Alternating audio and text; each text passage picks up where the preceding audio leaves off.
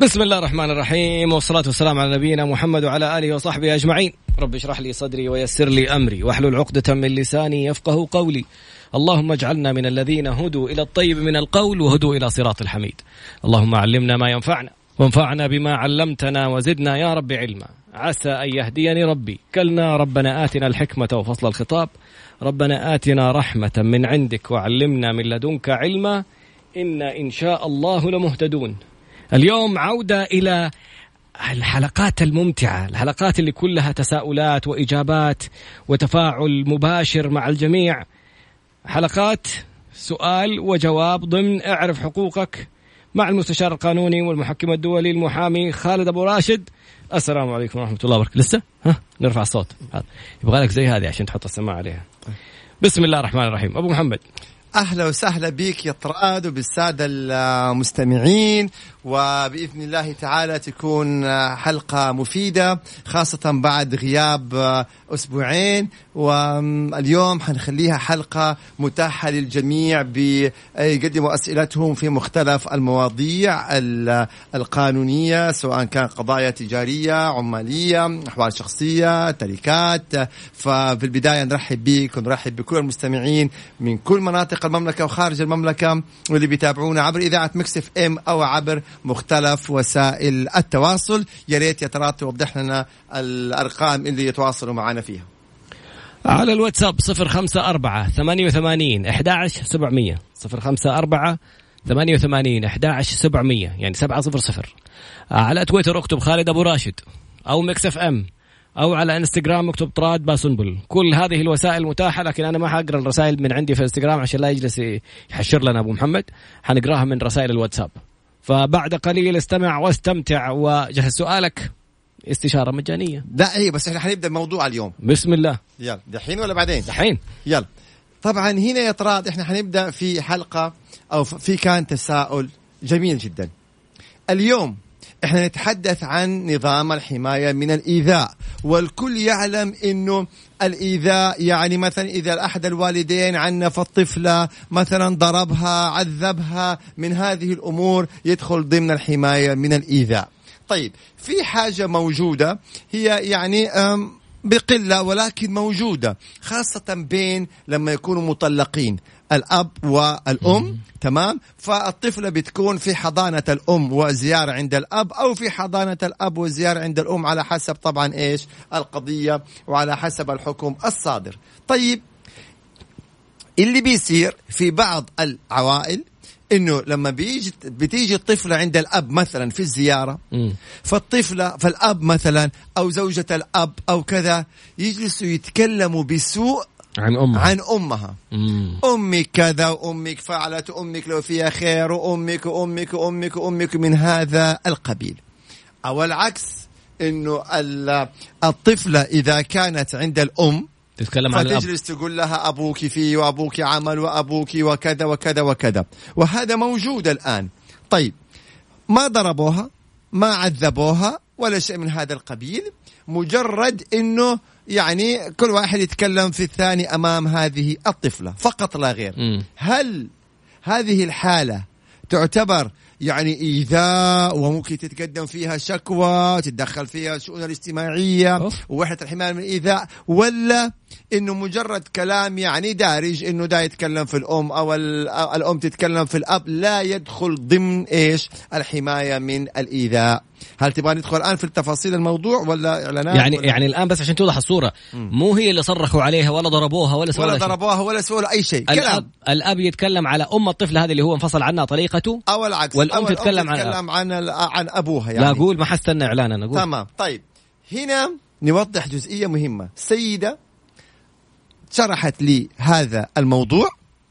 اتصلت فأعطيتها رقم الشؤون الوحدة الحماية من الإيذاء واتصلت على وحدة الحماية من الإيذاء فأخذوا منها معلومات الأب وأخذوا منها معلومات الأم وتم تقديم بلاغ رسمي واو ما شاء ضد الله. الأب وضد الأم. وحددوا لهذه السيدة اللي هي والدة الطفلة موعد الأسبوع القادم علشان آه، يجتمعوا معها ويجتمعوا مع هذه الطفلة.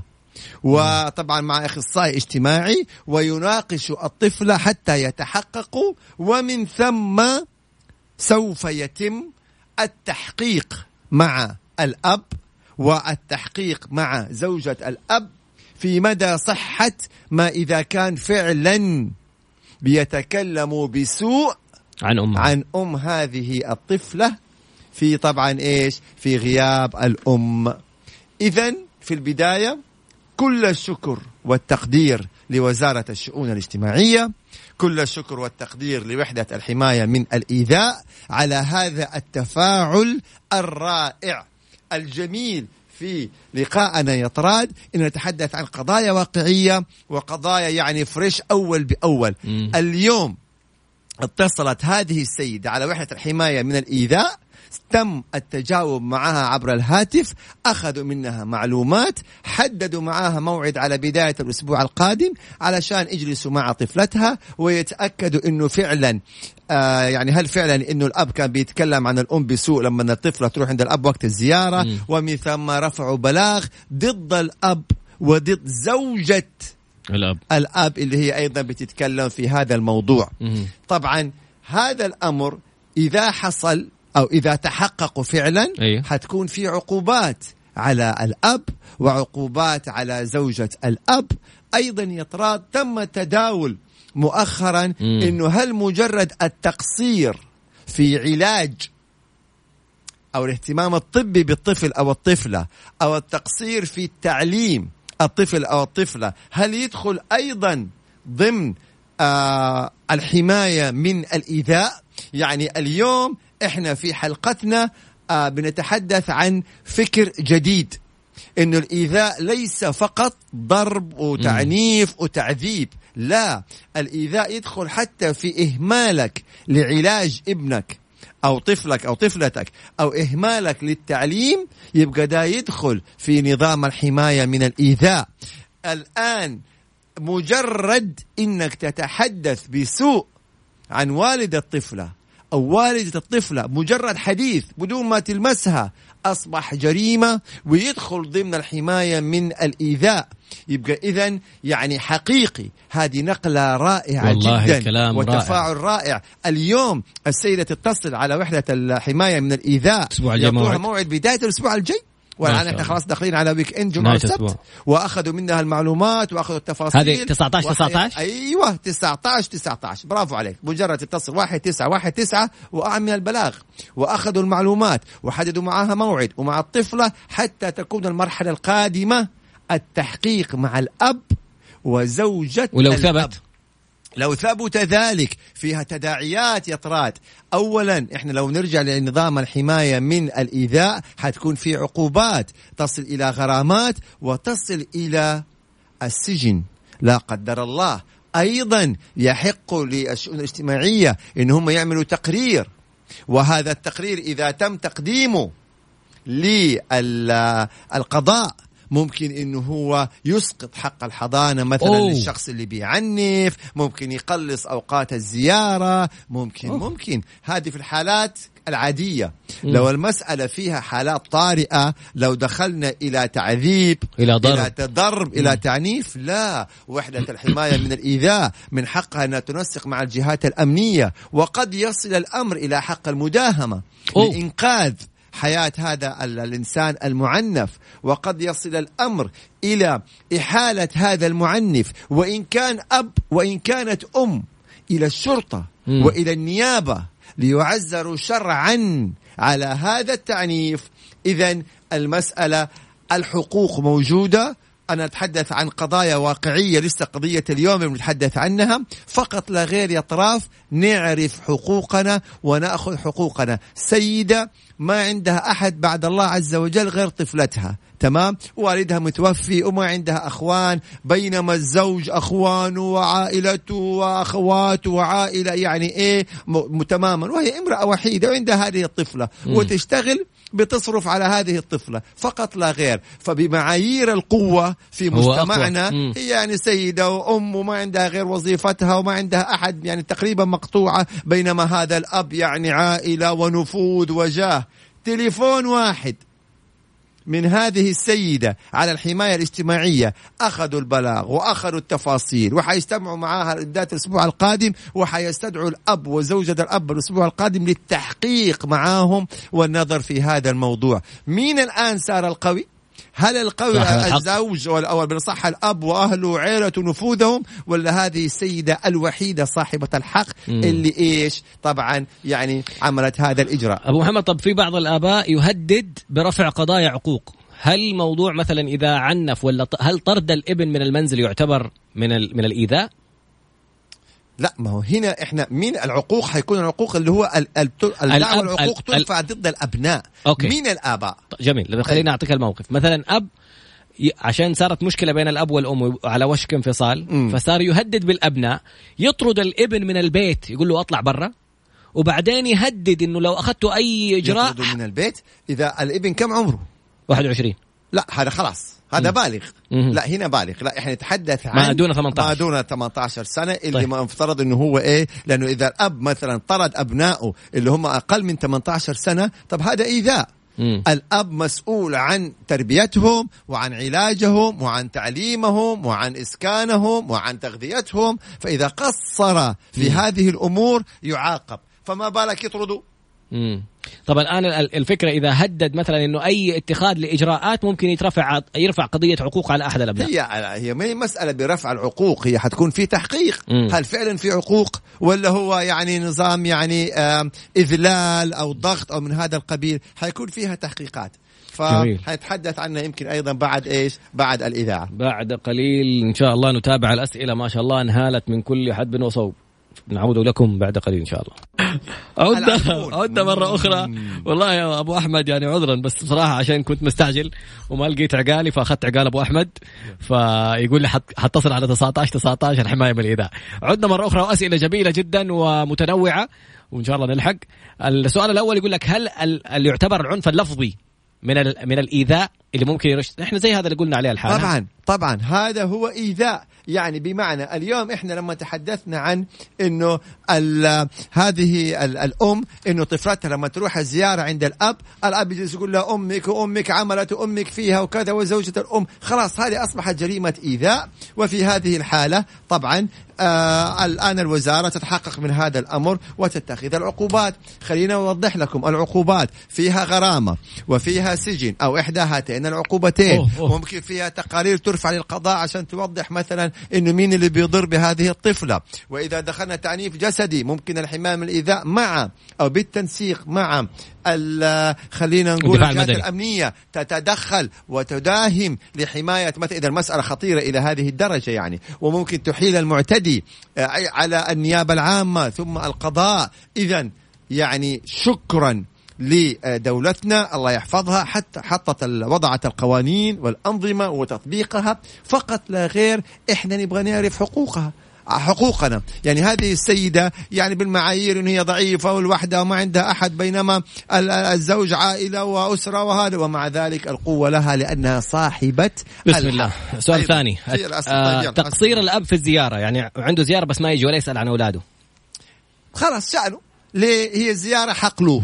فإذا هو ما يعني بيتنازل عن هذا الحق أو يقصر خلاص شأنه. لكن خلونا قدر الإمكان ولمصلحة الطفل. شوفوا بالنسبة للأخوات والأخوان اللي هم يعني المطلقين والمطلقات لا تدخلوا أطفالنا في هذا الموضوع. لا تدخلوا أطفال بينكم. يعني ستبقى اب وهي لما تجلسي تتكلمي للطفله أو الطفل في أبوها مم. أو في أبوه وأبوك وأبوك وأبوك أنت بتكرهوا طفل في أبوه هذا ابوه رضيتي أبيتي هذا والده هذا ابوه ومن الخطأ إنه يطلع إنسان يكره أبوه. والعكس صحيح أنت لما تجيب طفلة ولا طفل وتقول له أمك أمك يا أخي أمه أمه. أنت ما حتغير الشيء يعني أنت أبو هي أم. فما حيتضرر غير الطفل نفسيا. يعني حرام إنه إحنا ندخل الأطفال في صراعات بيننا. خلاص صار الانفصال يبقى نتعامل برقي. ندخل الأطفال. الجميل في هذه السيدة عرفت حقوقها والآن حيتعامل بالنظام. إذا ما أخذ بهذا الأمر الآن الدولة حتعرف كيف تخليه يتعامل باحترام. طفلته. مم. للأسف يعني خلاص هذا هو في النهاية. اللي ما يربيه الزمان تربي الجهات الأمنية. تربي الحكومة. كما يقول. نعم. طيب آه، شخص آه، صدر عليه صكين ب ألف ريال سلفته وله ثلاث سنوات والى الآن ما في أي على محكمة التنفيذ. طب صدر عليه صكوك في التنفيذ. لا ما خلاص يقدم على محكمة التنفيذ محكمة التنفيذ في إجراءات. أوكي. في اللي هي منع السفر في إيقاف الخدمات ويعني إجراءات الحين ما في حاجة اسمها إيقاف خدمات. تمام. إلا إيقاف الخدمات موجودة يا طبعا إيقاف الحسابات بس مو الخدمات. خدمات لا في إيقاف نوع من الخدمات. في إيقاف الحسابات. طيب أيضا هنا كان في سؤال حقيقة جميل جدا. العربون. هل يحق لي استرداد العربون؟ أنا دفعت عربون عشان أبغى أشتري مثلا يعني سيارة عقار ايا كان وأنا غيرت رأيي. فهل من حقي إني أقول أنا غيرت رأيي؟ والله أنا أبغى إيه؟ أرجع العربون. طبعا هذا الكلام آه غير مقبول ولا يحق لك ذلك. ليش؟ شوفوا يا شباب العربون له أحكام. أول حاجة العربون هو عبارة عن إيه؟ عن حجز.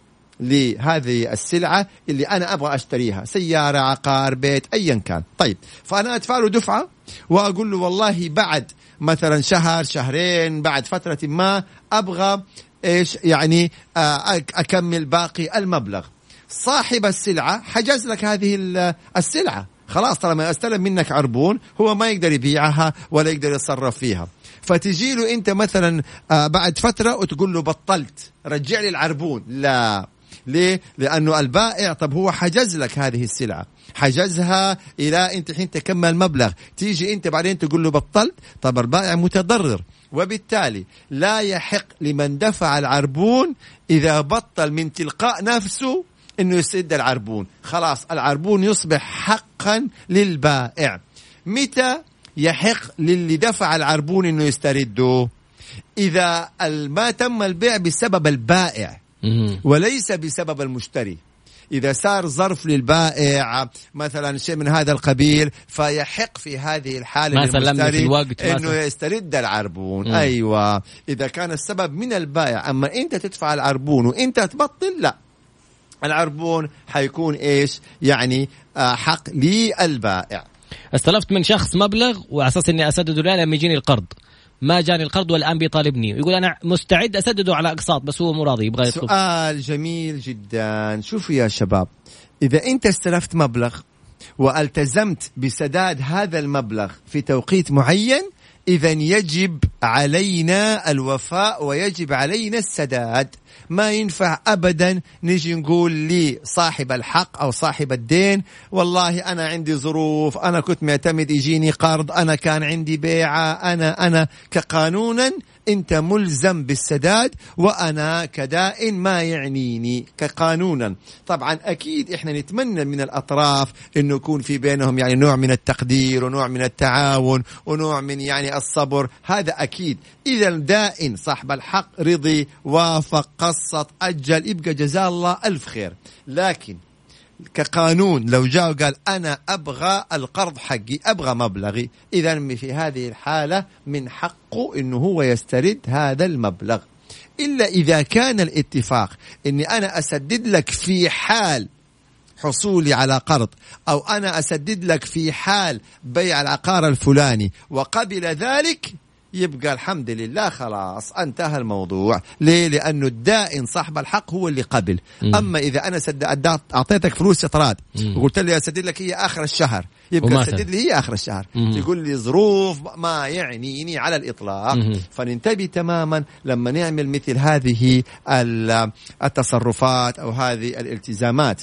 طبعا هذا الأمر يقودنا إلى الكفيل الغرم والأداء. مم. كفيل الغرم والأداء حيلزم بسداد المبلغ. يعني يحق لصاحب المبلغ إنه هو آه، يقاضي الأصيل أو يقاضي الكفيل الغارم.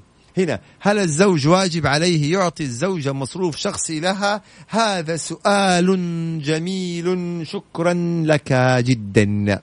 كيف اللغة العربية؟ كيف هذا؟ مضروبة بالكامل. سيبوي.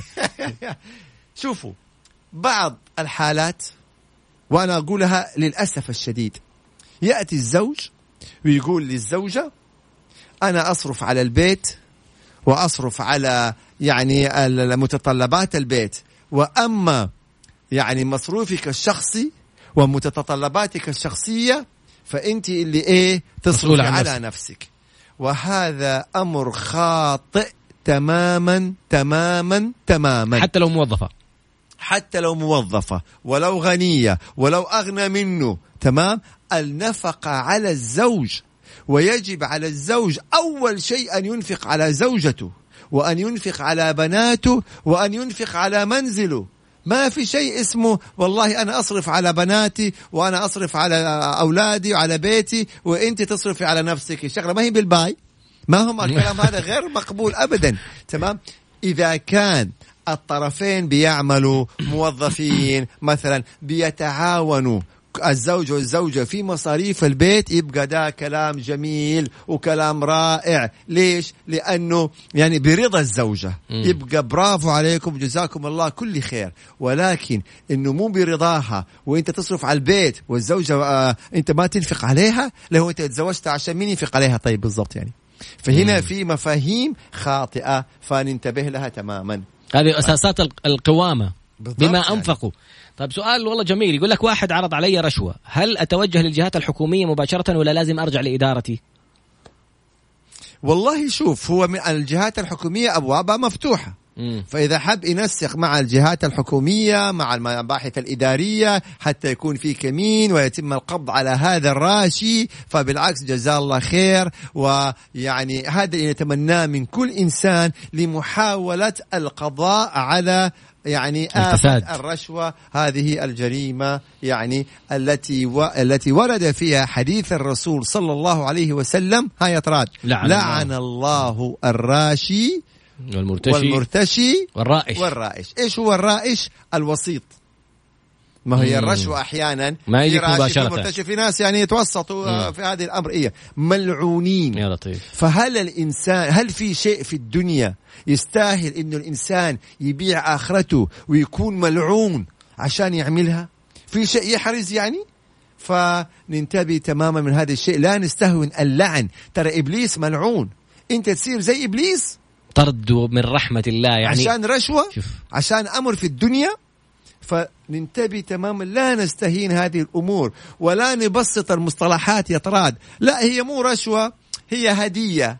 هي يعني إكرامية هي مكافأة. أنت, أنت ما طلبت أنا أعطيتك. أنت مين أنت؟ عشان تكافئ موظف حكومي. مم. أنت وزيره مديره أنت ما هي يسوي لك شغلة تقول لي مكافأة؟ مم. لا هي رشوة. الهدية هي رشوة. إكرامية هي رشوة. ومو شرط بالفلوس. مم. انتبه إذا أنا قدمت له تذاكر إذا أنا أعطيته سيارة إذا أعطيته مثلا إقامة رحلات آه كل هذه الأمور تدخل ضمن الرشوة. وبنشوف دائما إحنا آه مكافحة الفساد ونزاهة يعني كل فترة وفترة بيعلنوا عن إيش؟ إي والله عن أمور كثيرة جدا. وما في أحد كبير. قاضي أمين مسؤول بلدية كل الأسماء بتطلع والموضوع بس مستنين التشهير. النقطة الثانية في حديث أبو محمد على نفس القصة هذه أحد الأشخاص ارسلهم النبي عليه الصلاة والسلام لجمع الزكاة فقال هذه زكاتكم وهذه أهديت لي. فقام النبي خطب يعني إذا كان هذا الشخص في بيت أمه أحد كان حيعطيه شيء من فين حيعطوك هدية إذا أنت ما كنت على رأس العمل عشان تؤدي واجباتك؟ بالضبط. فننتبه تماما يا شباب لجزئية الرشوة. ننتبه لها تماما. بعد قليل نتابع ورقم التواصل على أرقام الأسئلة على رقم الواتساب للتواصل 054 88 11700 054 88 11700 استمع واستمتع. ما شاء الله على التساؤلات تساؤلات عدة وما شاء الله متنوعة. أبو محمد بسم الله. يلا. في عندنا أسئلة الحقيقة. هنا في تعليق يقول صحيح أغلب المتزوجين بعد الطلاق يندمون ويقولون يا ريت ما صار الطلاق لأنه أغلب المشاكل تكون عاطفية. هذا كلام سليم جدا. لذلك الواحد يحاول يعني إيه قدر الإمكان يعني يخلي قرار الطلاق هذا آخر قرار. لأنه بعده حضانة وزيارة ونفقة وتشتيت أسرة وهدم منزل فنخليه آخر شيء. طيب شخص ذكر في فيديو غلاء تأجير عمارة وحدد موقعها ومواصفاتها. هل تعتبر تشهير؟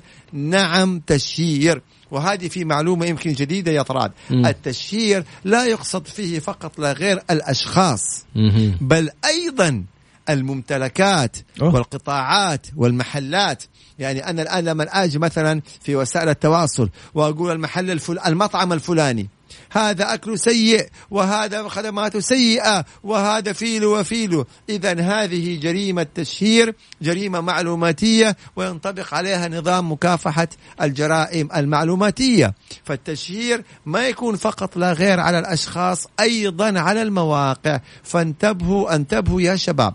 ما نطلع إحنا والله رحنا مطعم ما عجبتنا الخدمة أو مثلا يعني صارت مشكلة نطلع نشهر في وسائل التواصل وتيجي تقول أنا ما كلمت صاحب المطعم أنا ما جبت اسمه. أنا المطعم لا هذا تشهير وعليها عقوبة وإن كان كلامك صحيح.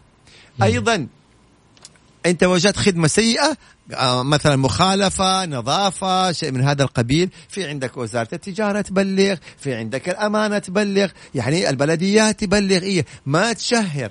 أيضا جزئية مهمة جدا يطراد بعض الموظفين اللي يعملوا سواء كان في قطاعات حكومية أو في آه، قطاعات خاصة. يعني لسبب ما ظلم رأى من مديره من صاحب المؤسسة من صاحب العمل فيروح يكتب في وسائل التواصل الشركة الفلانية آه، تفصل السعوديين الشركة الفلانية تحابي مش عارف مين الشركة ظلمتني.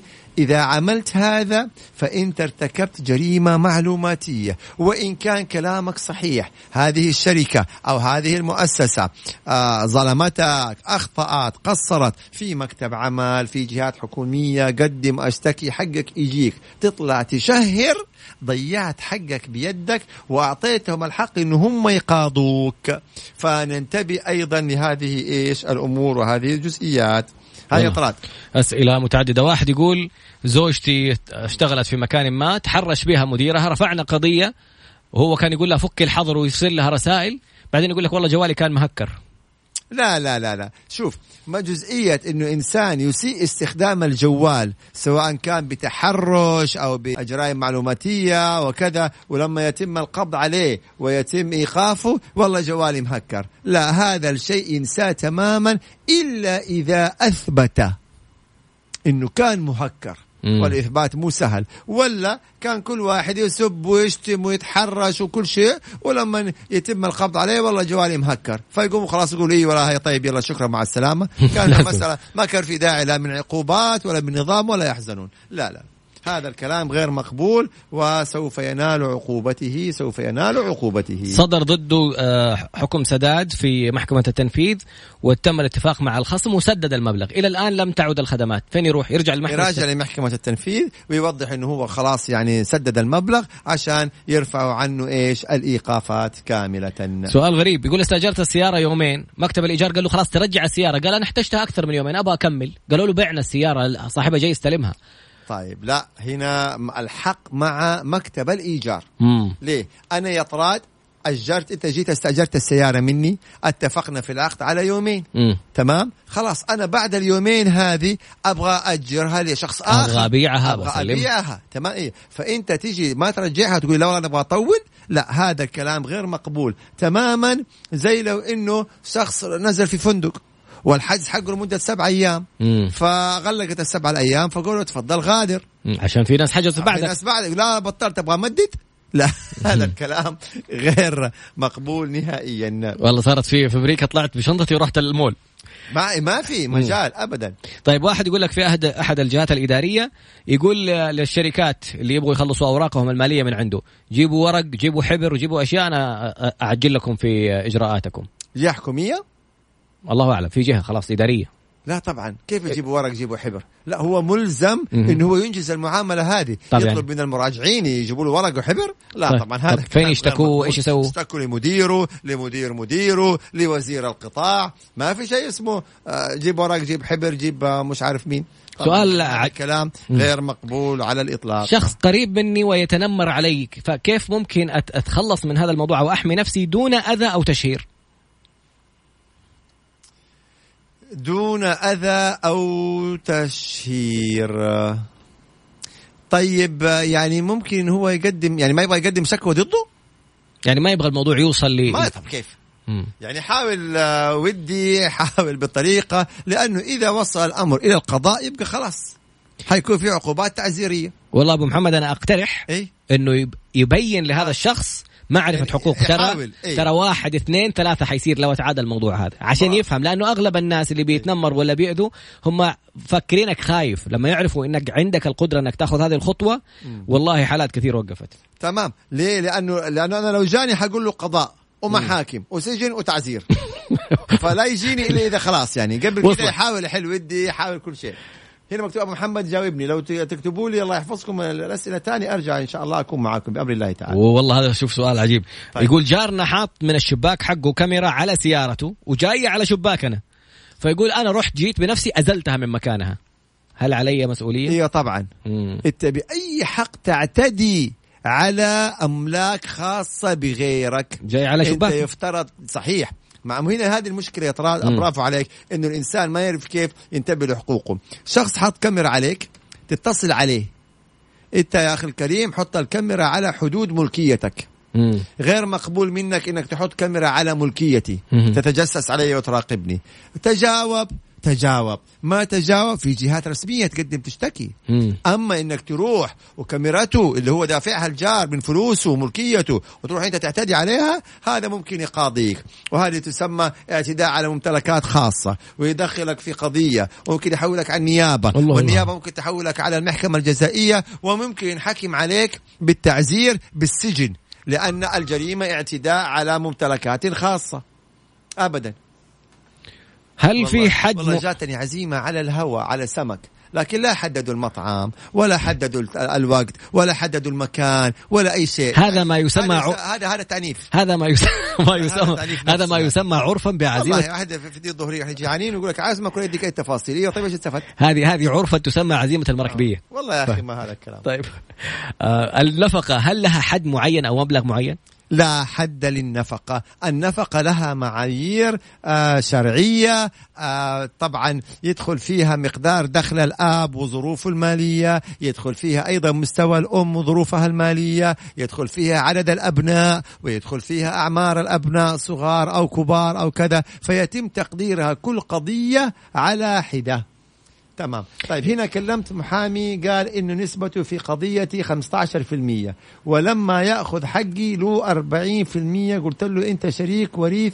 ما فهمت إيش السؤال. إنما هذا السؤال يقودنا إلى جزئية جميلة جدا. مم. أتعاب المحاماة. المحاماة.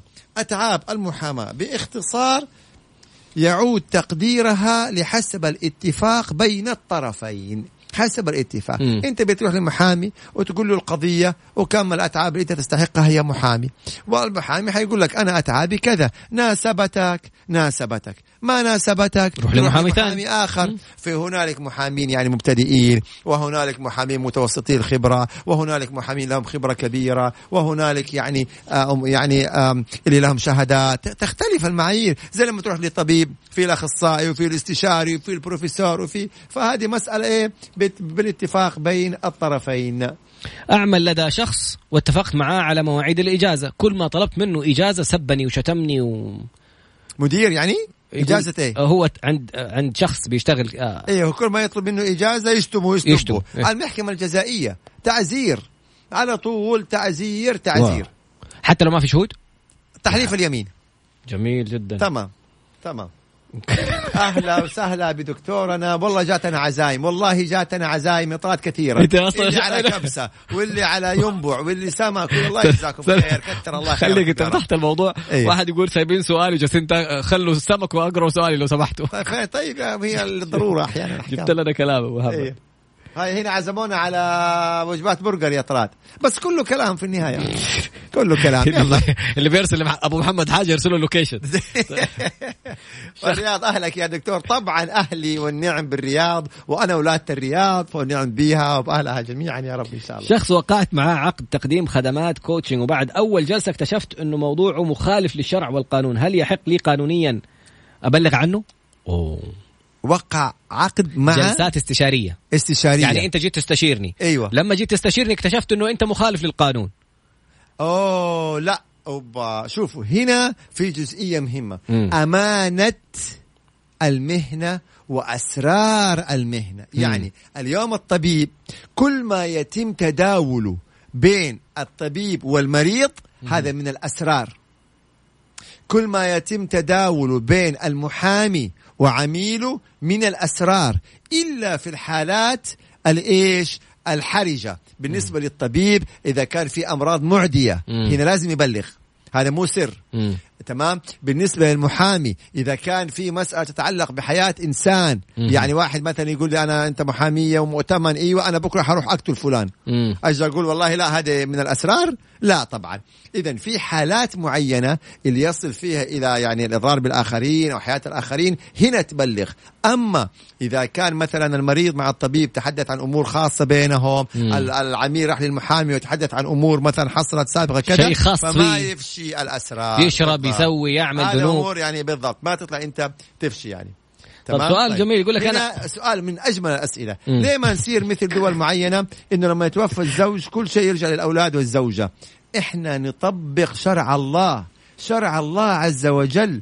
المواريث هذه في القرآن الكريم يعني ربنا حدد نصيب الأم الأب الأب والأم وربنا حدد عز وجل نصيب الزوج والزوجة وحدد الكلالة اللي هو اللي ما عنده ولا ولد ولا بنت وحدد التفاصيل الشرعية الله عز وجل حدد لنا الأحكام الشرعية في المواريث فنترك أوامر ربنا عز وجل وشريعة ربنا وقانون. ربنا ونروح نقول نعمل زي الدولة الفلانية والدولة الفلانية فيا غالي القرآن ما بعده كلام شرع الله عز وجل. لا قوانين نعم دول. ولا يحزنون. تلاقي ناس يلفوا ويرجعوا يرجعوا للاقتصاد الإسلامي يرجعوا للقوانين الإسلامية كلها حترجع لك مرة ثانية. نعم. أنا مستأجر من المالك مباشرة ورحنا مكتب عقار. لتوثيق العقد فقط المكتب طالب غير قيمة التوثيق طالب 2.5% سعي. يقول ما أنا جايب الرجال معاي لا طبعا السعي يجب أن يكون الشخص هو إيش اسمه؟ سعي. إذا يجب إني أنا أكون رحت سعيت. أنا جبت البائع وأنا اللي جبت المشتري وعرفتهم على بعض حتى تتم البيعة. هنا أنا آخذ إيش؟ أنا آخذ السعي. تمام؟ ولكن إذا أنا ما كان لي دور يبقى آه ما آخذ سعي. هنا ممكن ال- الشخص اللي هو البائع والمشتري يقول عمي بطلنا منك نروح لشخص آخر يعني. في واحد بيتكلم عن حكم شرعي ويقول إيش رأيكم في الحكم؟ إحنا طب ما تقدر أنت لك رأي في الحكم. ال- إذا أحد عنده إذا, اعتراض إذا الحكم الشرعي آه، صدر آه، صدر قرار بتأييده مم. يبقى تأيد الحكم. هو- إذا هو مثلا حتى الحكم المؤيد إذا كان هو له مثلا يعني ملاحظات وله كذا مم. بإمكانه أنه يتقدم إلى المحكمة العليا بإلتماس ويوضح العمالية. إذا في تسلسل كلها في تسلسل. الآن عملية الحكم المبدا إيش يسموه ده؟ بعد. الحكم ابتدائي أوكي. فإذا صدر الحكم الابتدائي من حقه يستأنف. فإذا الاستئناف أيد الحكم خلاص صار نهائي. جدت أمور يعني مثلا أو اكتشف أدلة ممكن يكتب إلى المحكمة العليا. هذه الطريقة يعني. بعد قليل فاصلنا الأخير وما شاء الله تبارك الله مره وقت اي والله. يعني. م- ممتع الحلقة. جميل. استمع واستمتع. والله سؤال سؤال. سؤال جميل.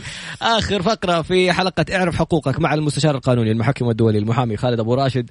وسؤال جميل والله. يقول القوانين تقول لازم تأمين طبي. في شخص يقول لك لا أنا أدفع لكل موظف وقت ما يحتاج حاجة في المستشفى. لا يطبق النظام. يطبق إذا النظام ألزم بالتأمين فهو ملزم بالتأمين. ما هو على كيفه؟ طيب هنا يقول هل يحق للشركات أخذ شيك بدون تاريخ كضمان البضاعة؟ هذا خرج عن موضوع الشيك وهذه جريمة. الشيك زي الفلوس يجب أن يصرف فورا. الشيك لا يستخدم كضمان. فإذا ثبت أن الشيك استخدم كضمان يعاقب الطرفين. اللي. اللي سوى الشيك والمستفيد من الشيك. فما في شيء اسمه ضمان. شيك يعني لازم ينصرف فورا. في كمبيالة في هذه ساد لأمر هذه اللي هي تواريخ مؤجلة. شيك يا طراد لازم الآن. تديني شيك بتاريخ مؤجل جريمة. والله يبغى لنا هذا نبحث عن السؤال ده لأنه يقول لك نظاما لهم حق السعي. هنا حدا يقول لك الشيك أداة وفاء وليس أداة ضمان. مم. نظاما حق الشعر لمكتب العقار؟ إيه. إن إذا الطرفين راحوا له؟ إيه. والله إذا اتفقوا. معاه خلاص كان بها. ما اتفقوا معاه الأصل لا. هنا بيقول تكفى تكفى. يا جماعة أعطوني السؤال والله أجاوب على طول. كيف ترى مستقبل المحاماه من خلال الفرص الوظيفية؟ شوف المحاماة مهنة مثلها مثل باقي المهن يعني عرفت كيف؟ هي وإن شاء الله تعالى بنقول لها مستقبل. اليوم اللي يتخرج قانون ممكن يشتغل في أي جهة حكومية في الإدارات الحكومية. ممكن يشتغل في الشركات في القطاع الخاص في الإدارات القانونية في القطاع الخاص. ممكن يشتغل في مكاتب المحاماة. وممكن يدخل الكليات العسكرية. وممكن يدخل في النيابة. اذا المجالات متعددة. حتقول تقولي بس أنا قدمت قدمت كذا. هذه سنة الحياة. حاول مرة واثنين وثلاثة ولما ما ربنا ييسرها سواء في المحاماة أو في مختلف المهن الأخرى. والله سؤال جميل. هنا يقول لك إذا كان هناك ورثة ولم يتم عمل حصر إرث ولا شباك ورثة قام أحد الورثة بعمل أوراق مخالصة باجتهاد شخصي وقع كل الورثة عليها بجهل منهم على مخالصة أو في ورقة غير رسمية مم. هل يمكن أن يتم إعادة الحسابات والطلب عمل حصر إرث وشباك ور... شباك ورثة أيوة. إذا علم الورثة أن هناك تلاعب في الموضوع حتى لو بعد عشر سنين طبعا إذا ثبت مم. أن هنالك غش أو غرر بمعنى إنه هو جاء قال والله مثلا هذا فقط لا غير نصيب والدكم إيش غرر؟ يعني زي الغش أنا خدعتك يعني آه. غررت بيك تمام؟ غرر أوكي. أيوه وإنه والله بينما ثبت بعد ذلك إنه كان في حسابات أخرى أو كان في أموال أخرى أو عقارات أخرى فما بني على باطل فهو باطل. مم. فيقدموا دعوة ويطالبوا بتوزيع أو تقسيم التركة. فإذا قدم هذا الشخص هذه الورقة يوضح لفضيلة القاضي إنها كانت مبنية على غش وكان فيها غرر وما كانت معلومات صحيحة. إن ثبت ذلك تبطل هذه المخالصة. واحد يقول آه، عندي تأمين طبي لي ولعائلتي. لما جاء وقت نهاية موضوع الإجازة أبغى تذاكر سفر لي ولعائلتي. قالوا لا تذاكر لك أنت لوحدك. حسب أيوه حسب, حسب عقد العمل حسب عقد العمل. أنا أستاذ خالد أنا عندي سندات بتوقيع زوجي إنه كل شيء ملكي لكن القاضي ما رضي فيها مع إنه بخط زوجي المتوفي. طبعا هنا القاضي يجب أن يتحقق من هذه المستندات وعن صحة التوقيع والشخص توفى. فانت تقدم الاثباتات حكم القاضي. إذا أنت غير مقتنعة فيه لك شهر كامل تستأنفي وتحطي ملاحظاتك على هذا الحكم وأوجه اعتراضك. ويرفع وترفع القضية إلى الاستئناف. وتنظر فيها لأنه أنا ما أمامي مستندات فما أستطيع. هنا بيقول لي سبحان الله جايب على كل شيء وتسحب على كلامي يا غالي أنا أعرفك أنا بيني وبينك شيء. إحنا بنحاول نلحق هنا ونلحق هنا ونلحق هنا وتأمر أمر على راسي والله. طيب أحد الأشخاص يقول عنده جلسة ما أدري إذا قانونيا ولا إيش الوضع فيها. يقول عنده جلسة وصلوا للحل الودي بينه وبين الشركة ورفع القضية الشركة عشان ما سلموا رواتبه. طيب. لما جاء موعد الحل الودي صار الظاهر في خلل فني وقالوا تأجيل إلى الآن ما ما صار شيء ما. ما جاء له موعد. هل يرجع للقاضي مرة يتابع يتابع مع القضاء إلى حين تحديد جلسة. عشان الصلح يتم إثباته في الجلسة ويصدر حكم بهذا الصلح بقبوله إيش؟ يرجع للمحكمة العماليه بالضبط. بالضبط. تمام. في طالبه يتيمه اخوها يضربها سمعوا كل الطالبات زوم صوتها. وهو يضربها وتشهد كيف يمكن التصرف مع ذلك. يا ساتر على قسم الشرطة على قسم الشرطة فورا يبلغوا أن هذا الأخ اعتدى على أخته وضربها وصارت تبكي بلغوا على طول. وهذه أمانة. هذه الأخت لو صار لها شيء أيضا أنتم حتكونوا مسؤولين لأنكم شفتوا هذه الجريمة وما بلغتوا. والعكس صحيح بلاغكم ممكن يحمي هذه الابنة من اعتداء هذا الأخ بهذه الطريقة. بلغوا على طول. الله يسعدكم يقول الشركة معطيتني سيارة أستخدمها وبتفويض رسمي. بعدين فصلوني على المادة 80 لأني آه، يقول لك مو من حقي آه، ما هو من حقي استخدام السيارة باستخدام الشخصي ففصلوه بدون تحقيق. لا بدون تحقيق هذه أول مخالفة. حلو. المفروض يحققوا معاه عشان إذا ثبتت المخالفة في ذلك الوقت إيش؟ آه آه يصدروا قرار إنهاء الخدمة. على كل حال أنت بإمكانك الآن ترفع قضية في في المحكمة العمالية وتوضح إنه الفصل هذا كان غير نظامي لأنه حتى ما عملوا تحقيق المادة 80 اشترطت وجود تحقيق. مم. فهنا عندنا خلل في الإجراءات. ترجع تدفع اذا ثبت إنه هذا الفصل باطل يحكمونه بالتعويض بموجب المادة 77 إيش المادة 55 من نظام العمل؟ ماني حافظها لازم أقراها قدامي. أوكي عشان السؤال مرتبط على المادة خلينا نرجع إن شاء الله نشوفه مرة ثانية. سبب قيادتي رفعت دعوه أوكي. سؤال قانوني بحت هل الإلزام بالتأمين من مجلس الضمان وأن وزارة العمل فقط ألزمت بتوفير العلاج. ما هي كيف؟ يعني وزارة العمل قالت بس توفروا علاج. بس ما مو لازم تأمين طبي. هل هذا صحيح؟ يعني هل وزارة العمل هي اللي, اللي تحكم في الموضوع ده؟ هذا محامي بيسأل. أي. يعني هي طبعا إحنا نتكلم كنظام العمل إحنا عندنا في نظام العمل وفي نظام التأمينات. أوكي. النظام العمل طبعا في له المواد عرفت كيف؟ م. وما تحدث عن التأمينات. م. يعني على سبيل المثال نظام العمل أوجب م. على صاحب العمل أن يتكفل ب آه مثلا تكاليف الخاصة بالحمل والولادة جميل. بالنسبة للمرأة. حلو. الحمل والولادة هذا نظام العمل إيش؟ آه ألزم صاحب العمل. على سبيل المثال ألزم صاحب العمل بالإجازات. بالنسبة لي إذا كان السبب فيها آه الأمراض يعني في إجازة مرضية وكذا بدون ما يقسم وبعدين فيها تسلسل وتفاصيل. أوكي. نرجع هنا جزئية التأمينات. نرجع لنظام التأمينات الاجتماعية. هذا. نظام آخر نشوف هل هو ملزم أو غير ملزم. يبقى هذا نظام العمل وهذا نظام التأمينات الاجتماعية. إيش شروط العفو السنوي؟ في شيء اسمه عفو سنوي لا هذا يمكن يقصد الأمر الملكي مم. اللي في كل سنة حقيقة خادم الحرمين الشريفين الله يحفظه ويبارك فيه يا رب إن شاء الله ويوفقه. بيكون في مثلا أحيانا في رمضان في أوقات معينة بيكون في عفو عن بعض المساجين في الحق العام في الجرائم اللي ما تكون كبيرة. فبتكون في لها شروط يعني لإطلاق سراح هؤلاء المساجين في الحق العام وفقا للشروط اللي بتصدر يعني بناء على العفو الملكي. والله في سؤال عجيب. يقول لك صدر على موكلتي بتسديد مبلغ 10000 ريال كل شهر 5000 آه، ريال تقريبا لكن الحكم نفذ علي أنا. تم خصم 5000 ريال من حسابي وتم إدراج اسمي ضمن المنع من السفر. الحكم على موكلته والتنفيذ عليه وصار هنا في خلل لأنه المحامي ما ينفذ عليه. أوكي. اللي ينفذ على الأصيل. مم. فكيف نفذ عليه؟ هنا في خلل. فيرجع يراجع. طبعا. أو لا يكون هو كفيلها. هنا في إلا إذا كان كفيل وليس مم. وكيل. أوكي. تفرق كثير. مم. إذا كان كفيل غارم طبعا ينفذ عليه.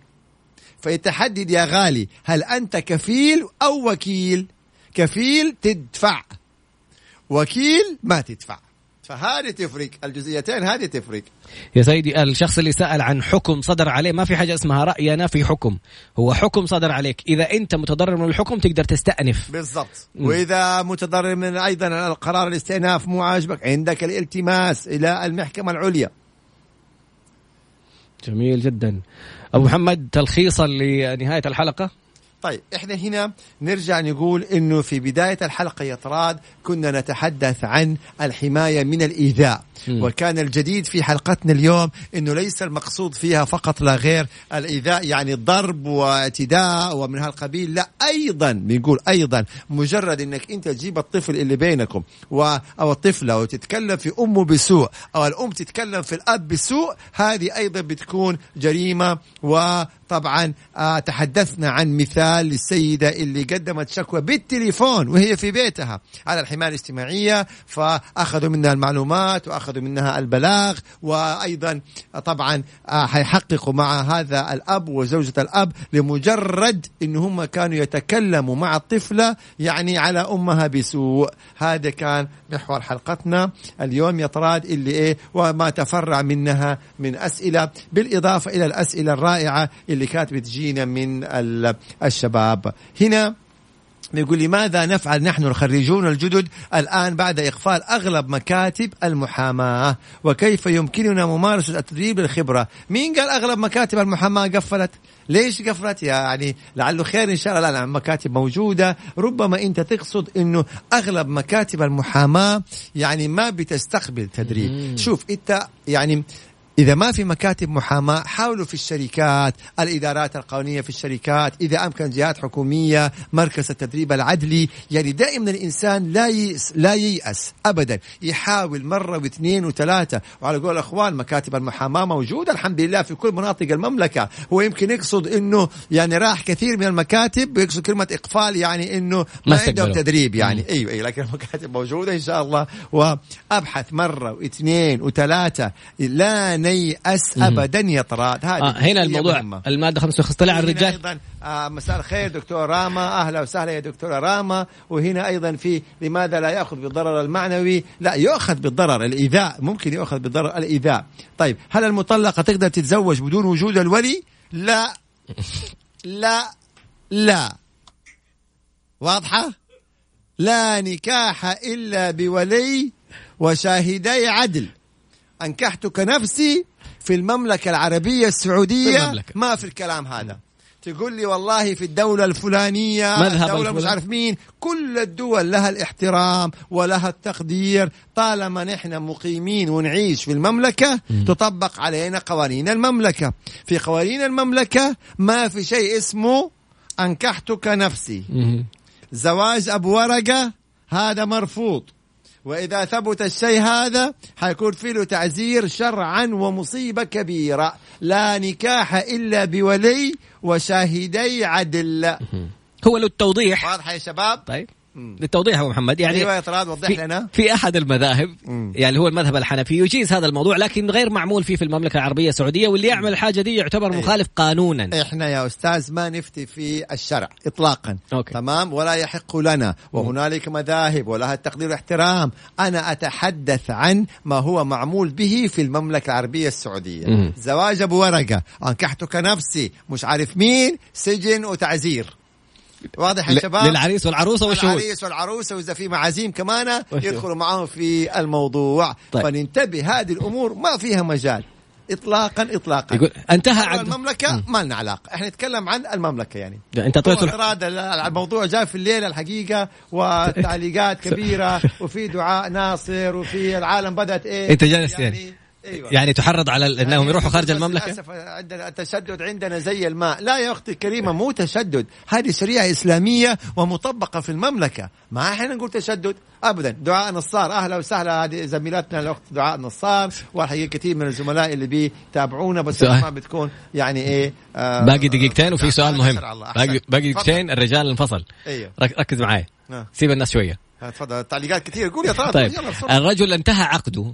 فيقول هل كان لازم يخطروني قبل العقد بفترة إنه. ما حنجدد معاك العقد ولا مجرد ما خلاص جاء إيه، وقت أيوه سؤال جميل يا طراد. هل هو عقد محدد المدة محدد. ولا عقد غير محدد محدد. إذا محدد المدة يبقى ما في داعي للإنذار لأنه أنت من أول يوم وقعت العقد تعرف إنه عقدك حينتهي بالتاريخ الفلاني محدد المدة أما إذا كان غير محدد المدة فلا بد من إنذار شهرين وبناء على سبب إيش مشروع وفي هنا يقول أخوك يوسف أهلا وسهلا بك يا يوسف وبين كل اللي بيتابعونا الحقيقة يعني في مختلف آه أي آه طراد يقول لك اساله هل تنفع المرأة ناظرة؟ إيش المقصود بناظرة؟ ناظرة. آه ناظرة وقف إيه. طبعا ممكن تكون أوكي. المرأة ناظرة وقف ناظرة مدرسة طبيعي كذا هذه الأمور ما يمنع ابدا طيب هنا أيوه أيوه صح. أنا خطيبي ما صدق العقد في المحكمة وما عنده نية يكمل، إذا ما عنده نية يكمل وما يبغى يطلق على طول آه قدمي دعوة ضده في محكمة الأحوال الشخصية، دعوة فسخ عقد النكاح ويتم فسخ النكاح مباشرة.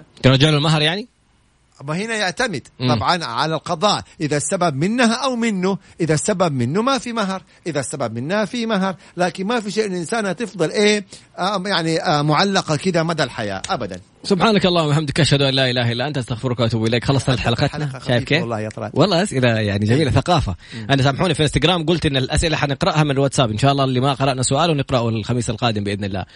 نسجلوا من الآن الرقم سيفوه عندكم حق Mix FM للتواصل على الواتساب 054 88 11 700 054 88 11 700 على الهواء تقول لهم أنت اللي تعزم. اليوم الغد علي إن شاء الله. وحصورك لما نشوف. طيب. السلام عليكم ورحمة الله. شكرا يا طراد والساده المستمعين ونلقاكم إن شاء الله تعالى في حلقة جميلة قادمة. يا رب إن شاء الله. السلام عليكم. عليكم السلام.